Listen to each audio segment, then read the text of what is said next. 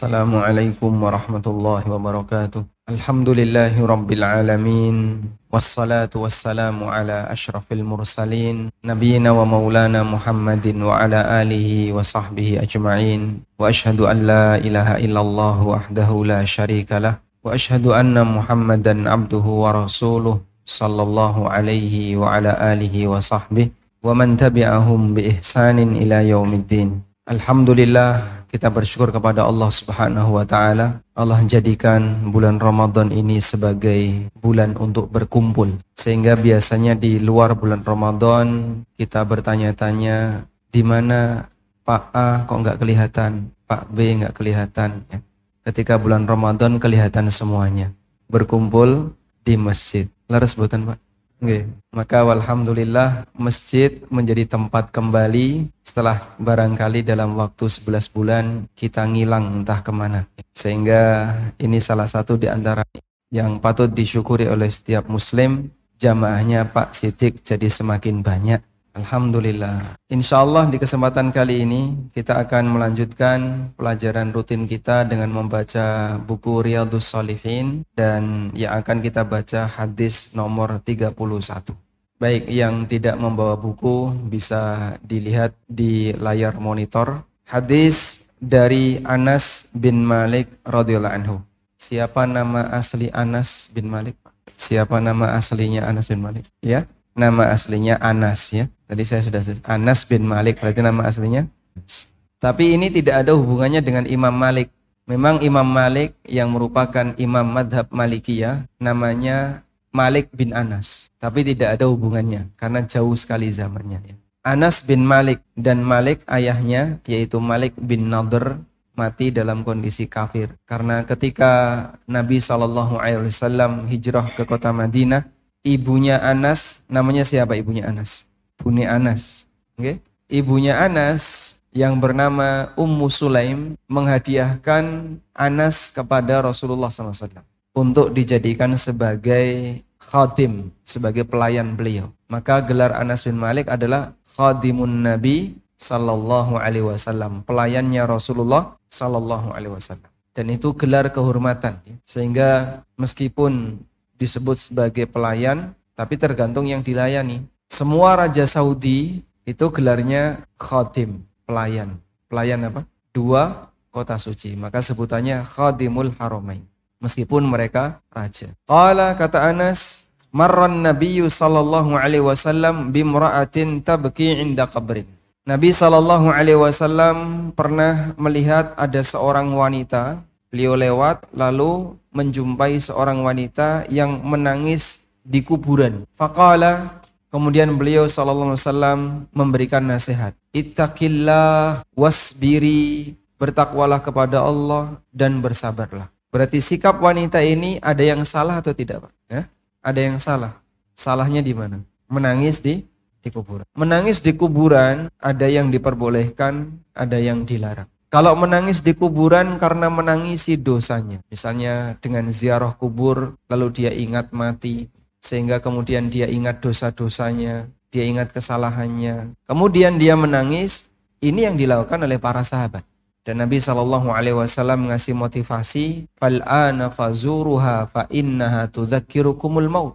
Lakukanlah ziarah kubur karena ziarah kubur itu mengingatkan kalian akan kematian. Sehingga fungsi utama ziarah kubur bagi orang yang hidup adalah agar ingat akhirat. Maka nggak ada ceritanya Pak, kalau orang ziarah kubur kok mau tes CPNS itu enggak ada. Atau ziarah kubur karena mau ujian UN itu enggak ada. Gak ketemu. Orang kalau eleng mati Pak, kira-kira masih kepikiran tes PNS enggak Pak? Sehingga tradisi di masa sekarang, orang ziarah kubur ke kuburan tertentu ketika ada hajat tertentu. Misalnya mau tes CPNS, atau mau ujian UN, atau mau apa lagi? ujian masuk UGM atau aneka hajat yang lainnya. Lalu jadi tren, kok ziarah no. Kemudian dia datang ke beberapa kuburan tertentu dengan harapan hajatnya bisa terpenuhi dengan ziarah ke kuburan-kuburan itu. Berarti dia ziarah dengan semangat membawa atau dengan misi membawa semangat dunia. Ini berkebalikan dengan fungsi ziarah kubur yang diajarkan Nabi SAW. Ziarah kubur itu tujuannya untuk ingat akhirat. Yang kedua, menangis di kuburan karena meratapi mayit. Nah, inilah yang tercela. Nah, musibah itu jangan diratapi. Karena meratapi musibah itu salah satu indikator dia tidak ridho dengan takdir Allah. Salah satu di antara indikator tidak ridho dengan takdir Allah itu meratapi. Saya sebut meratapi bukan menangis ya. Karena sebatas menangis itu diizinkan. Meratapi mayat ini sama dengan apa tadi? Sama dengan tidak ridho dengan musibah. Padahal musibah itu datang atas takdir Allah. Maka bagian dari bentuk ridho kepada takdir Allah jangan meratapi musibah. Sehingga musibah itu seharusnya ya, musibah itu seharusnya ya disabari kemudian jangan diungkit-ungkit. Sudahlah biar berlalu, jangan diungkit-ungkit. Baik. Faqalat kemudian wanita ini mengatakan ilaika anni pergi dari sini, menjauh dariku. Jadi bahasa Arabnya menjauh dariku itu ilaika anni, menjauh dariku. Fa innaka lam tusab musibati wa lam ta'rif. Kamu tidak mengalami musibah sebagaimana yang aku alami dan kamu tidak tahu bagaimana perasaan. Kemudian Nabi SAW pergi meninggalkan wanita ini. Wanita ini tidak melihat karena Nabi SAW mengingatkan dari belakang. Jadi dia nangis di kuburan, Nabi SAW datang dari arah belakang mengingatkan ittaqillaha wasbiri. Wanita ini malah mengatakan ilaika anni menjauh dari. Kamu tidak mengalami musibah sebagaimana yang aku alami dan kamu tidak tahu bagaimana perasaan. Fakilalaha akhirnya ada orang yang memberitahu, innahun nabi sallallahu alaihi wasallam yang mengingatkan kamu itu nabi. Fa'atat baban nabi sallallahu alaihi wasallam. Akhirnya dia mengejar Rasulullah sallallahu alaihi wasallam dan menemui rumah Rasulullah SAW, mendatangi pintu rumah Nabi Sallallahu Alaihi Wasallam. Nah kadang kan ada orang kalau tidak kenal siapa yang ngasih nasihat, lalu kadang dia meremehkan nasihat itu. Bisa jadi pesannya sama, tapi kualitasnya beda karena yang menyampaikan beda. Nek sing ngandani kados kula ngeten niki nggih, boten direwes, itu mungkin. Tapi kalau yang memberitahu Pak Sidik, tiga teknik dengan baik, nggih mboten. Nggih. Berarti bener nggih. Nggih mboten.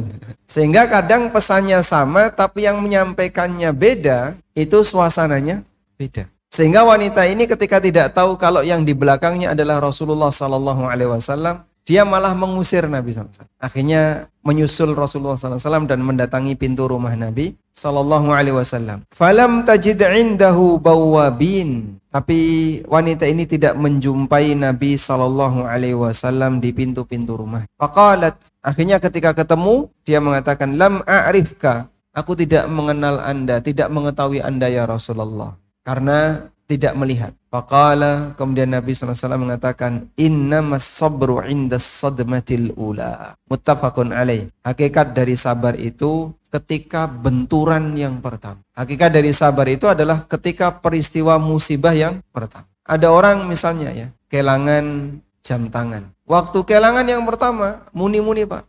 Maitu takmir gitu ngomel-ngomel, nesu-nesu. Gitu. Waktu pertama kali dia kehilangan jam tangan. Begitu satu bulan, aku wis ikhlas kok gak popo hilang. Yang sabarnya itu yang mana? Waktu hilang atau setelah satu bulan hilang? Eh? Setelah satu bulan hilang. Jadi manusia karena punya sifat lupa, itu anugerah sebenarnya. Aneka musibah yang dialami jadi lerem, lerem, lerem, lerem.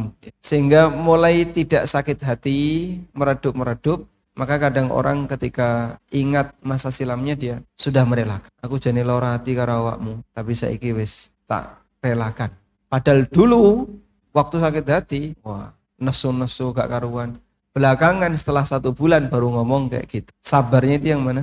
Inna sabru inda sadmatil ula. Yang namanya sabar itu ketika kejadian musibah yang pertama. Sehingga kalau sudah sekian bulan, kalau sudah sekian pekan, Jangan sebut aku sabar.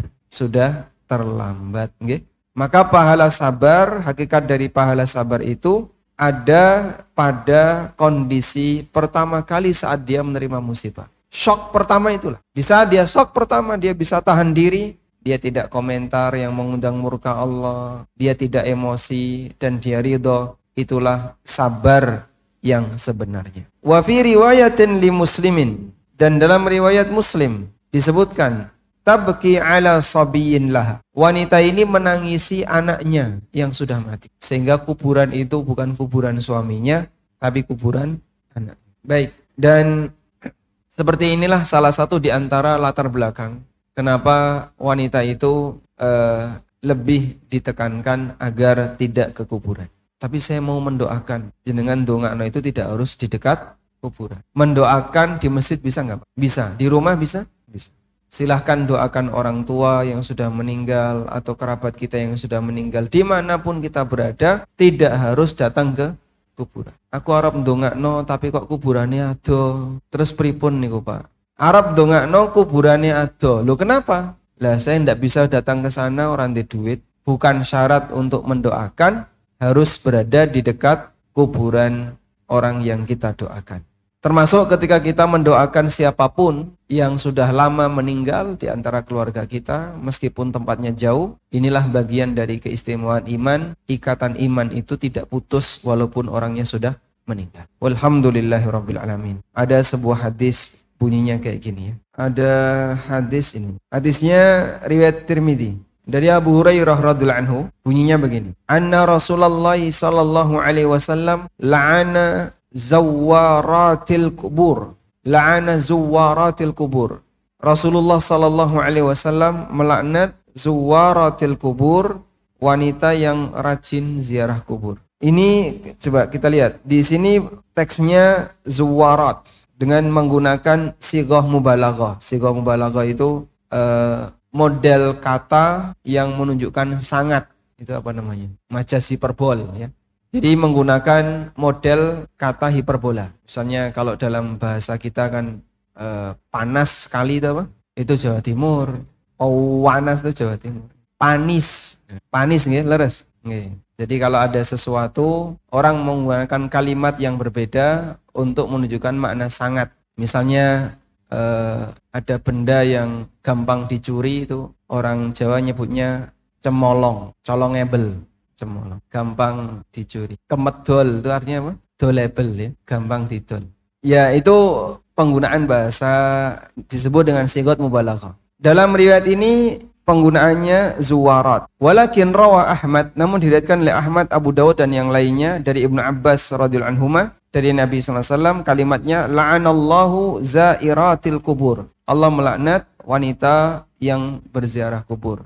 Wahada alal umum dan ini maknanya lebih luas. Sehingga hadis ini jadi dalil oleh sebagian ulama sebaiknya wanita tidak ziarah kubur. Meskipun ada yang mengatakan yang lebih sahih itu kalimatnya zuwarat. Sehingga zairat dimaknai zuwarat.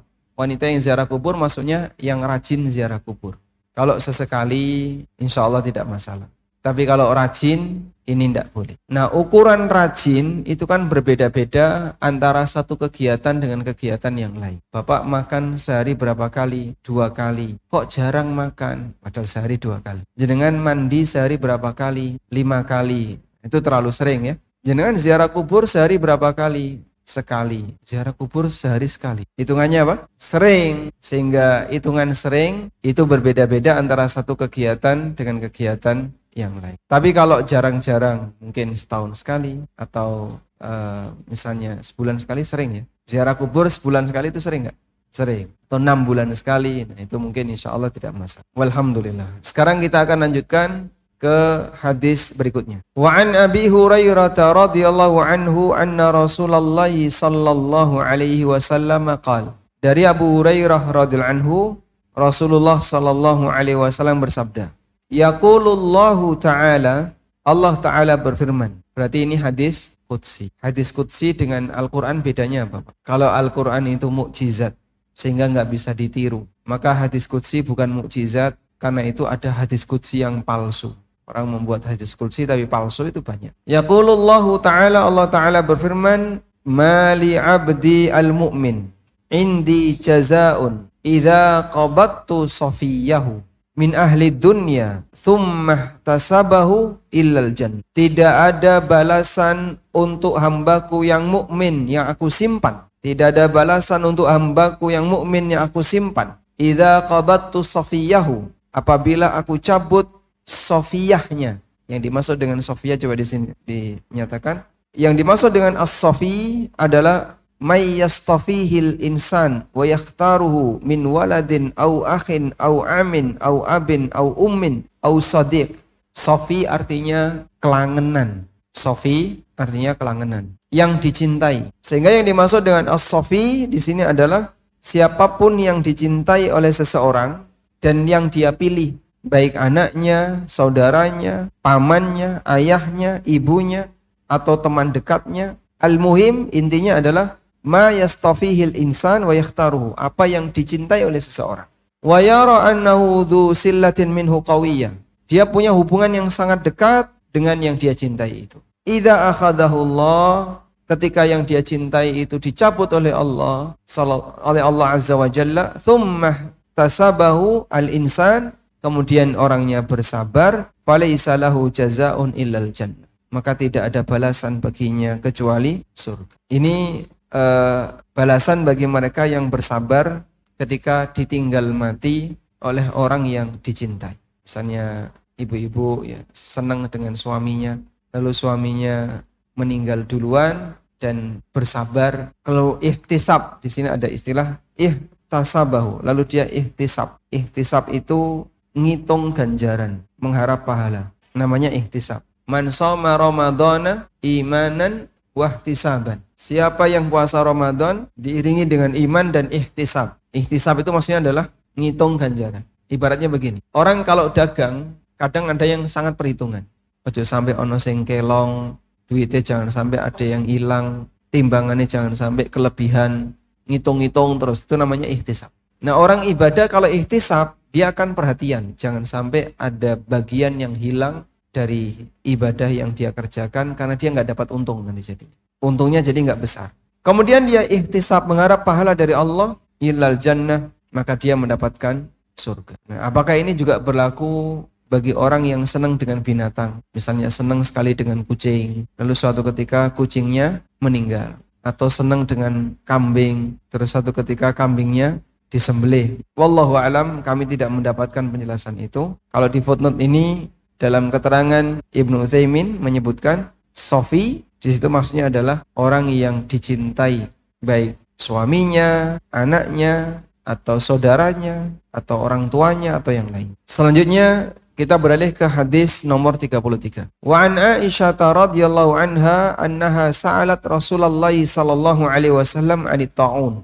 Dari Aisyah radhiyallahu anha, beliau pernah bertanya kepada Nabi SAW tentang wabah ta'un. Coba dilihat di footnote. Ta'un ada yang mengatakan tahun itu wabah tertentu, namanya wabah taun. Dan ada yang mengatakan tahun itu ya semua wabah yang melanda, yang jadi pandemi.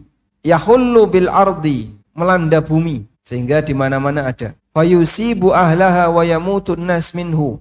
Kemudian uh, mengenai penduduk bumi dan banyak orang yang mati seperti wabah kolera atau misalnya wabah yang lain ya kayak COVID kemarin yang orang mengatakan COVID itu tidak mematikan tapi begitu banyak korban berubah status jadi mematikan. Dari Aisyah radhiyallahu anha bahwasanya beliau pernah bertanya kepada Rasulullah SAW tentang taun. Pak lalu beliau menyampaikan annahu kana adzaban yab'athuhu Allah taala ala man yasha. Wabah itu adalah azab yang Allah kirim untuk para hambanya siapa saja yang dia kehendaki faja'alahu Allah taala rahmatan lil mu'minin dan Allah jadikan rahmat bagi orang yang beriman sehingga ada orang yang bertanya begini musibah itu azab ataukah ujian musibah itu azab ataukah ujian? Ujian bukan azab ujian baik tergantung siapa yang menerimanya kalau yang menerimanya orang jahat maka musibah itu menjadi azab bagi dia. Allah segerakan azab untuk dia ketika di dunia dalam bentuk azab musibah dan apabila yang menerimanya adalah orang baik maka musibah itu jadi ujian baginya sehingga dia semakin tinggi derajatnya di sisi Allah Subhanahu wa taala. Maka Nabi Shallallahu alaihi wasallam menyebut wabah ya, taun tadi ya, bisa sebagai azab bagi orang jahat dan sebagai rahmat bagi orang baik, orang mukmin. Wabah taun adalah azab bagi orang jahat dan sebagai rahmat bagi orang mukmin yang baik. Falaisa min abdin yaqa'u fit taun, maka siapa pun hamba yang dia berada di wilayah Ta'un. Dia berada di wilayah Ta'un. Fayamkuthu fi baladihi sabiran muhtasiba. Dan dia bertahan di daerahnya dengan bersabar dan muhtasiban mengharap pahala dari Allah. Ya'lamu annahu la yusibuhu illa ma kataballahu lah. Dan dia sadar musibah ini tidak akan menimpanya kecuali yang Allah tetapkan untuknya. Illa kana lahu mithlu ajri syahid. Maka dia mendapatkan pahala seperti pahala syahid. Dan ketika terjadi wabah, Islam mengajarkan gimana? Kalau terjadi wabah, Islam mengajarkan gimana? Eh? Yang di dalam jangan keluar, yang di luar jangan. Islam mengajarkan seperti Yang di dalam jangan keluar karena takut mati atau karena faktor yang lain. Yang di luar jangan ke dalam karena di situ daerah wabah. Sampai rombongan pasukan sahabat ketika mau datang ke Syam itu berhenti ketika mendengar di Syam ada wabah. Akhirnya mereka balik ke Madinah. Diputuskan oleh Umar bin Khattab radhiyallahu Abu Ubaidah bin Jarrah protes. Ya Amirul Mukminin, apakah kita akan menghindari kematian? Kenapa kita harus lari dari kematian? Kemudian jawab Umar bin Khattab radhiyallahu kita berpindah dari satu takdir ke takdir yang lain. Nah, maka yang berada di dalam bertahan dan bersabar di sini. Bertahan dan bersabar di sini. Siapa yang bertahan sabiran muhtasiban diiringi dengan sabar dan ihtisab, maka Allah Subhanahu wa taala akan memberikan pahala baginya seperti pahala syahid jika dia mati dalam posisi kena wabah. Pada waktu terjadi musibah wabah di Syam yang menjadi gubernur ketika itu Mu'ad bin Jabal. Dan waktu Mu'ad itu terkena musibah taun waktu itu, itu kan sampai kulitnya itu melepuh, kulitnya melepuh. Di depan mimbar atau di mimbar beliau berkhutbah, beliau mengatakan saya juga terkena, terus dicium tangan. Karena ya gimana lagi, kita sudah berada di sini harus sabar. Semua dengan takdir Allah dan kalaupun mati ya mati dengan takdir Allah dengan bersabar seperti ini tidak akan membuat orang jadi gersulo, tidak ridho dan wallahu alam. Selanjutnya hadis nomor 34.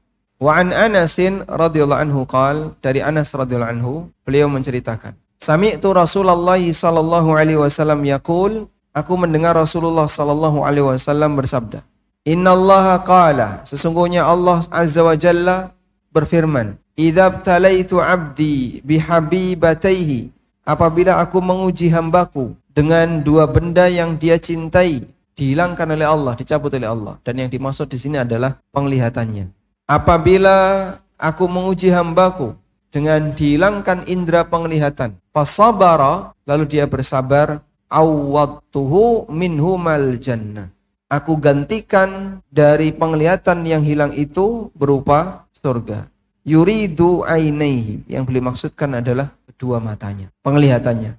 Hadis riwayat Bukhari. Sehingga orang yang buta dan dia bersabar dalam kondisi buta seperti itu, maka dia mendapatkan surga. Wallahu a'lam. Penjawab tereng. Ya, karena kajian subuh Ramadan itu dua tantangannya. Pertama ngantuk, kedua toilet. Oke, sekarang kita buka kesempatan bagi teman-teman jamaah barangkali mau menyampaikan sesuatu kami persilahkan. Mikrofon sudah siapa?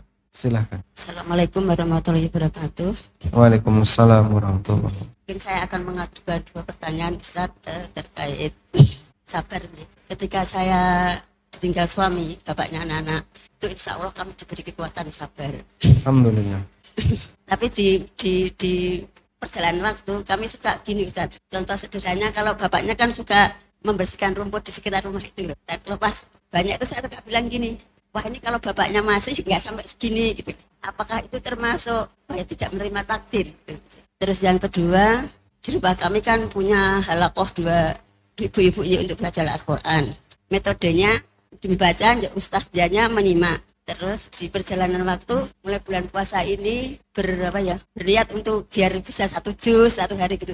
Lah metodenya Ustadz yang baca bareng, bareng gitu. Kadang-kadang ibu-ibu kepontal-pontal itu yang pertama terus yang Ustadz kedua nyimak sambung menyambung gitu Ustadz. Lah itu seperti apa yang betul mohon nasihatnya. Tersuun Assalamualaikum warahmatullahi wabarakatuh. Waalaikumsalam warahmatullahi wabarakatuh. Baik, eh, berkaitan dengan penggunaan pengandaian ya. Pengandaian itu ada yang diperbolehkan dan ada yang dilarang. Nabi Shallallahu alaihi wasallam pernah mengatakan, "Wala taqulu law fa innahu taftahu amal syaitan. Dalam hadis riwayat Muslim dari sahabat Abu Hurairah radhiallahu anhu. Rasulullah sallallahu alaihi wasallam bersabda, "Al-mu'minul qawi khairun wa ahabbu ilallah minal mu'minid dha'if." Mukmin yang kuat itu lebih baik dan lebih dicintai oleh Allah daripada mukmin yang lemah. Wa fi kullin khair, meskipun semuanya baik, semua punya sisi kelebihan. Ihris ala ma yanfa'u. Bersemangatlah untuk memperjuangkan apa yang bermanfaat bagimu. Wasta'in billah, mintalah pertolongan kepada Allah, wala ta'jiz dan jangan melempem. Fa'in asabaka syai'un, kalaupun kamu tertimpa sesuatu, fala takul, maka jangan mengucapkan lau anni fa'altu kada wa kada kana kada wa kada. Maka jangan ucapkan andaikan tadi saya kayak gini ya, pasti nggak terjadi seperti ini. Andaikan saya tadi berangkat pasti saya dapat. Walakin kul namun ucapkanlah qadarullah wa masya'a fa'ala. Ini semuanya sudah takdir Allah dan apa pun yang dia kehendaki pasti terjadi. Fa inna law taftahu amal syaitan karena berandai-andai itu membuka pintu setan. Baik, sehingga di sini pengandaian andai, ucapan andai ya. Ada yang dilarang. Itu ketika apa? Andai yang menyesali, menyesali takdir. Ini dilarang. Andai kemarin ini, andai kemarin ini, itu tidak boleh. Kalau kamu tadi nggak lewat sini kan nggak kena macet. Kalau kamu lewat sini tadi lancar. Kalau kamu andai tadi kamu lewat sini, biasanya orang kayak gitu kan. Sing lanang sing nyupir ya rada gemeteran. Sing itu pinggire, gitu. Masya Allah. Ini saya penyambung lidah mohon. Talanging boso nih. Okay. Jadi pengandian seperti ini justru malah malah marakno loro hati. Sudahlah ketika sudah mengalami itu ya sudah dinikmati saja ya. Jangan tambah loro hati, wis maceti loro hati, ditambahi tipa itu tambah loro hati. Maka sebaiknya udah biarkan kalau memang sudah menjumpai itu lanjutkan saja. Nah, ampun tipa itu nggih Bu. Yang berikutnya pengandaian yang sifatnya informasi. Ini boleh. Seperti Nabi Shallallahu Alaihi Wasallam pernah menyampaikan pengandaian. Laula anni gimana kalimatnya? Lakana laula bi lakana fitarkil asfali minan. Laula ana. Dalam hadis riwayat Bukhari, Abbas itu pernah bertanya kepada Nabi SAW. Ya Rasulullah, hal nafa'ta Aba Talib bisyai'in? Ya Rasulullah, apakah anda bisa memberikan manfaat kepada Abu Talib?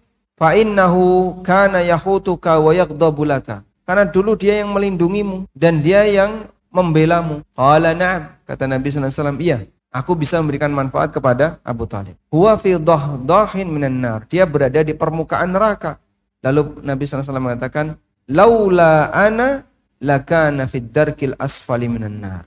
Andaikan bukan karena aku, Abu Talib itu berada di keraknya neraka. Sehingga andai tapi sifatnya apa? Informasi hukumnya boleh. Jadi di sini tidak mengingkari takdir atau tidak apa? Tidak membenci kepada takdir. Baik. Nah kira-kira yang model ini tadi ya, andai bapak masih ada nggak kayak gini, itu masuk yang mana? Ya? Yang informasi atau yang menyesali takdir? Menyesali. Kalau menyesali maka tidak seperti ini. Mungkin kalimatnya diganti. Andai saya rajin, pasti tidak akan seperti ini. Oke. Oh, nggak punya waktu, masya Allah. Nanti boleh pinjam waktu tetangganya. Kira-kira bapak-bapak yang yang nganggur, monggo mau ganteni Bu Us, Pak Usman ini. Untuk bersih-bersih rumput maksudnya, Pak. Wallahu a'lam. Pencekap ada lagi? Oh, halakoh tadi, sebentar dulu, halakoh ya. Halakoh jadi untuk uh, kegiatan belajar ya. Itu sebenarnya lebih longgar mau pakai metode A, metode B, metode C itu longgar. Sehingga karena longgar, silahkan dikembalikan kepada kebijakan guru. Maka kalau guru mengendaki Ramadan ini kita kejar-kejaran. Kepontal-pontal nggak apa-apa, yang penting kejar-kejaran. Tapi khusus Ramadan saja. Mungkin bisa jadi tujuannya biar termotivasi lebih kuat, agar dia lebih mempeng lagi dalam membaca Quran. Insya Allah tidak masalah. Tapi hanya khusus Ramadan. Karena kadang sesekali Rasulullah SAW itu menyampaikan hadis yasrudu sardan. Disampaikan dalam jumlah banyak sehingga banyak sahabat yang yang ini yang hafalnya itu jadi cuma sedikit. Saking banyaknya yang masuk. Nabi SAW itu pernah suatu ketika ceramah pak dari mulai subuh sampai isya. Terus betul seharian itu. Daurah dari subuh sampai isya itu ceramah. Sampai komentar para sahabat, hafidhahu man hafidhah. Wa nasiyahu nasiyah Ada yang hafal dan banyak yang lupa. Abu Hurairah termasuk di antara banyak yang hafal. Jadi beliau cerita tentang kejadian-kejadian hari akhir itu banyak sekali dari mulai subuh sampai sampai isya sampai malam. Kadang sesekali seperti itu. Dan tidak ada sahabat yang protes. Ya Rasulullah, mbok disampaikan sedikit-sedikit saja biar kami nyentel gitu. Karena dalam proses pendidikan kadang ada dibuat A, kadang ada dibuat B sesuai dengan kebijakan guru. Kalau saya biasanya seperti itu. Tapi jangan keterusan ya. Ini sifatnya hanya sesekali. Sehingga sesekali guru menyampaikan dengan metode cepat sekali. Weh paham nggak paham pokoknya aku akan sampaikan cepat. Dan manfaatnya gini, oh berarti ilmu guru saya ini banyak. Bisa jadi ya. Sehingga membuat dia semakin memuliakan gurunya. Wallahu Tadi antrian berikutnya. Hmm. Andi apa Andi? Seandainya tadi kalau saya nggak salah menyimpulkan, jadi yang boleh kan seandainya yang informatif gitu yang hmm. informasi, yang menyesal itu yang tidak dibolehkan. Nah terkait dengan mungkin saya salah ya, terkait dengan ilmu yang saya pelajari itu, maka saya harus selalu menanyakan what if andai kata seperti ini boleh jadi tidak seperti ini. Buat strategi gagal, gagal kan yang menyesal itu kan. Kita akan cari andai. Yang salah di mana andai kata saja ini, ini, ini mungkin tidak akan bisa memperbaiki, tidak menjadi terjadi seperti ini. Jadi andai itu dalam rangka untuk mengambil sebuah pelajaran. Cari solusi. Cari solusi. Ini dalam proses belajar atau ketika sudah real di lapangan? Hmm, siap, siap. Oh, masya Allah menyambung siap. Ada berapa mikrofon? Oh, dua. Kameranya ada berapa? Cuma satu. Coba di, diarahkan ke sana. Assalamualaikum warahmatullahi Waalaikumsalam. Inilah yang sebenarnya hampir sama dengan yang disampaikan Pak Asin. Kata ande itu antara boleh dan tidak itu adalah jaraknya sangat tipis. Nah itu. Yang sehingga oh, karena jaraknya sangat tipis, bagaimana kita, kita itu akan mensikapi nah, day ini ini memang memang sebenarnya kita kita uh, kita sering itu yang boleh ande itu informasi yang tidak boleh itu menyesal antara menyesal dengan informasi itu jaraknya sangat tipis Ustadz lah inilah yang yang kadang-kadang membantu yang pertama kemudian yang kedua kembali namanya nasihat ya nasihat itu kalau yang menyampaikan Ustadz Tampi saya yakin diikuti. Tapi kalau yang menyampaikan saya tidak diikuti Ustadz. Nah gitu. Satu contoh, saya kan Ramadan itulah fastabikul khairat bareng-barengan cepet-cepetan. Nah itu mau saya khusus Ramadan. Nah ini ini ini salah satu satu contoh lah. Kebetulan hari ini disampaikan Ustadz, terima kasih. Nah itu. Tapi kalau yang menyampaikan saya itu tidak dipakai. Terus, oh, matur Assalamualaikum warahmatullahi wabarakatuh kalau sedikit Ustadz ya. Masya Allah. Kan ya, sewu ini hanya informasi saja. Eh, ibu-ibu, bapak semuanya yang hadir di sini mempunyai kesempatan yang sama untuk mengajukan pertanyaan. Monggo uh, terutama yang dari luar itu monggo uh, kalau ingin menyampaikan pendapat atau ingin bertanya monggo ya. Matur nuwun gitu aja. Nah, loh nggak jadi bertanya. Imbauan. Ini ande yang sifatnya informasi ya. Ande ada jamaah alam baik pak oh, maksudnya Pak Nur itu itu biar uh, itu bisa hidup. Yang lain kalau mau tanya itu grogi pak. Buatan gak ada gelar kok Arab takon buatan gak siap. Sekarang coba kita lihat ini. Ini ada penjelasan tentang rincian pengandaian tadi ya. Wa lau penggunaan kata lau tusta'malu ala wajhain. Ada dua bentuk penggunaan. Yang pertama, ala wajhil hazan alal maudi wal jaza minal makdur. Untuk mengungkapkan kesedihan terhadap yang sudah terjadi atau al jaza minal makdur, menyesali takdir. Fahada huwallazi nuhiya anhu. Inilah yang dilarang. Sebagaimana yang Allah Subhanahu wa taala sebutkan dalam Al-Qur'an, Ya ayyuhalladzina amanu la takunu kalladzina kafaru wa qalu li ikhwanihim idza darabu fil ardi aw kanu ghuzzan law kanu indana ma matu wa ma wahai orang yang beriman janganlah kalian menjadi seperti orang kafir orang kafir itu kalau kalah perang maka dia menyampaikan kepada pasukan-pasukan yang kalah tadi idza darabu fil ardi aw kanu ghuzzan ketika mereka perang atau mereka berangkat berdagang maka orang kafir tadi komentar, laukanu indana ma matu wa ma qutilu. Andai kamu tadi nggak berangkat kan nggak mati.